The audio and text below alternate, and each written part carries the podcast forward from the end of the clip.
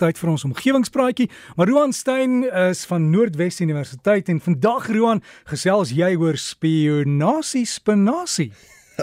Dit is inderdaad die waarheid Derek. Goeiemôre aan jou en uh, ja, goeiemôre aan ons luisteraars ook. Derek, ek moet sê, um, ek weet ek sê elke week ons praat oor interessante dinge, maar ek gaan nou 'n uitsondering maak vir oggend en sê ons gesels nou vandag oor 'n geweldige interessante onderwerp. Want kom ons wees eerlik, as 'n ding nou nie interessant is nie, sal ons nou eenvoudig net nie daaroor praat nie. Die kort weergawe soos wat jy genoem het, is dat wetenskaplikes het spinasie geleer hoe om eposse te stuur. Nou laat dit net gou vir 'n oomblik insink. Gewone spinasie, waarna ons gewoond is, stuur nou eposse. Nou so interessant soos wat hierdie kort weergawe klink, dink ek is daarom belangrik dat ons die lang weergawe bespreek sodat ons hierdie ding in konteks kan sit. So dit blyk nogal werklik dat spinasie nie net goed is om te eet nie, maar wel goed is om mense te waarsku oor besoedeling in die lug. En dit is spesifiek waaroor daai eposse gaan. Nou deur middel van nanotegnologie het wetenskaplikes dit nou reg gekry om spinasieblare te omskep in um, kom ons noem dit vreeslike fyn sensors wat hierdie spesifieke eksperiment wat gedoen is plofstof te kan optel. Nou in hierdie stelling is daar baie idees wat ek dink ons maar net een vir een nou moet afdek.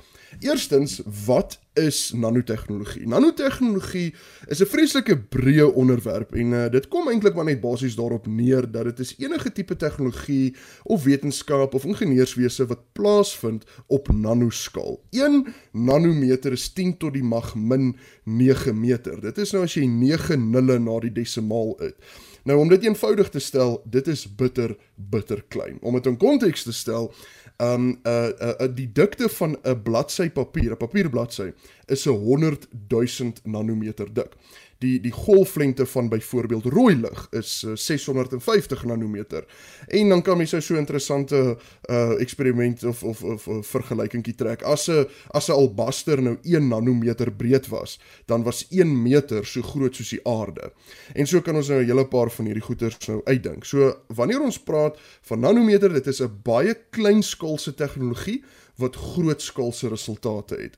So kom ons wanneer ons nou terugkom na die spinasieblare. Wetenskaplikes kweek uh wat hulle noem nanodeeltjies wat ongeveer 10 nanometer lank is in 'n laboratorium en stel dan die spinasieblaar bekend aan hierdie nanodeeltjies en in die oorspronklike artikel wat in Nature gepubliseer is verduidelik hulle vreeslik mooi hoe hulle dit dan nou doen.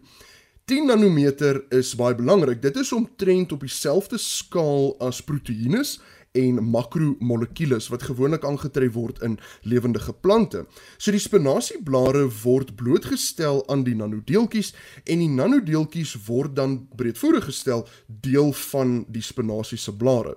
Die voordeel van hierdie proses is dat uh, dit is nou die feit dat die wetenskaplikes of mense het nou iets binne in die spinasieblare gesit waarmee ons kan kommunikeer.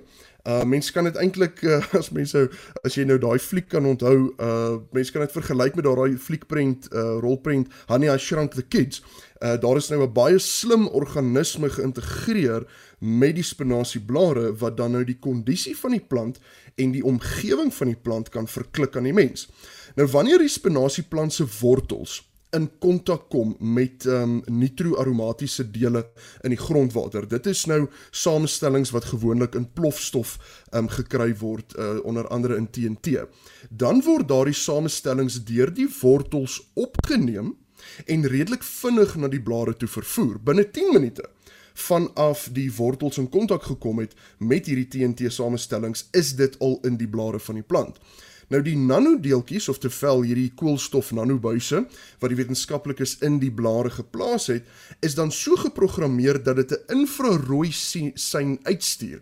Wanneer dit nou uh, wanneer dit nou die TNT in die blare optel wat dan deur detektors en sensors opgetel word uh wat langs die landerye geplaas is. Nou wanneer hulle hierdie infrarooi sein sien van die plante se blare, dan stuur die rekenaar 'n e-pos aan die wetenskaplikes om te sê daar is plofstof in die grondwater. Nou dink dalk net vir 'n oomblik wat beteken hierdie en hoeveel potensiaal dit inhou vir ander soorte tegnologie ook. Dit is ongelooflik. Hierdie spesifieke eksperiment het nou gegaan um vir toetse vir plofstof, maar in beginsel kan daardie nanodeeltjie geprogrammeer word om enige tipe besoedeling te verklik aan die mens lank voor die plant fisies daarop reageer. Um lank voor 'n tipiese reaksie van 'n plant uh, wat ons met ons oë kan waarneem. Nou hierdie tegnologie word plant nanobionika genoem.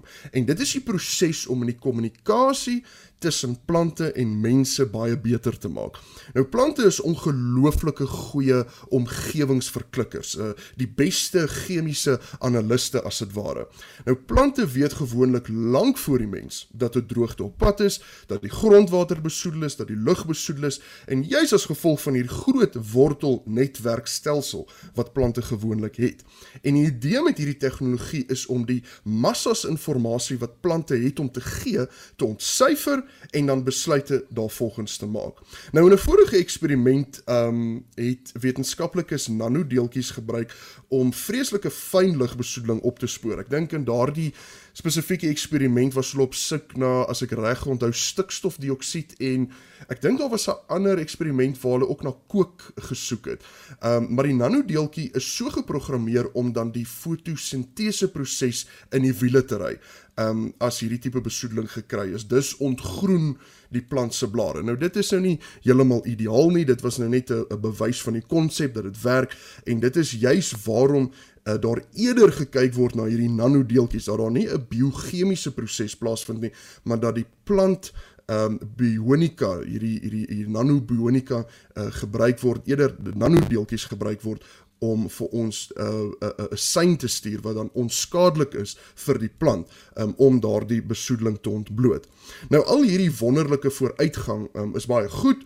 Ehm um, natuurlik, ons is baie opgewonde daaroor, maar enige verantwoordelike wetenskaplike behoort homself of haarself ook die vraag af te vra om te vra, maar ons moet die verantwoordelike argument voer om om, om goed ondersoek in te stel en te vra ehm um, hoe dit ons huidige omgewing gaan beïnvloed. Want ons is nou deeglik bewus en opgewonde oor die voordele maar ons moet natuurlik na die nadele ook kyk. Byvoorbeeld wat is die idee hier agter? Is die spinasie nog eetbaar na die nanodeeltjies op die blare is?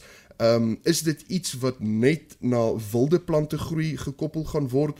Ehm um, of is die idee dat boere dit gebruik in landerye? En ek dink net tyd sal leer maar ons weet nou in beginsel dat hierdie tegnologie bestaan. Dit is nie so duur nie en ons kan baie goeie inligting daaruit kry. So nietemin, ek dink hierdie hierdie nuwe inligting is baie interessant. Uh die nuwe navorsing interessant uh, uh waar die waarde van die omgewing, waar die inligting wat opgesluit is in ons omgewing op baie interessante en effektiewe um innoverende maniere ontgin word om ons omgewing 'n beter plek te maak sodat ons beter besluite kan maak. So baie dankie Derek. Ek dink dit was 'n uh, interessante soos jy noem spioenspinasie en 'n heerlike naweek vir jou daarso. baie dankie aan Roan Stein vir die spioenspinasie. Oppas, oppas wat in jou tuin vir jou loer. As jy wil kontak maak omgewing by rsg.co.za en uh, Roan sal ook vir ons inligting op die Breakfast Facebook bladsy plaas.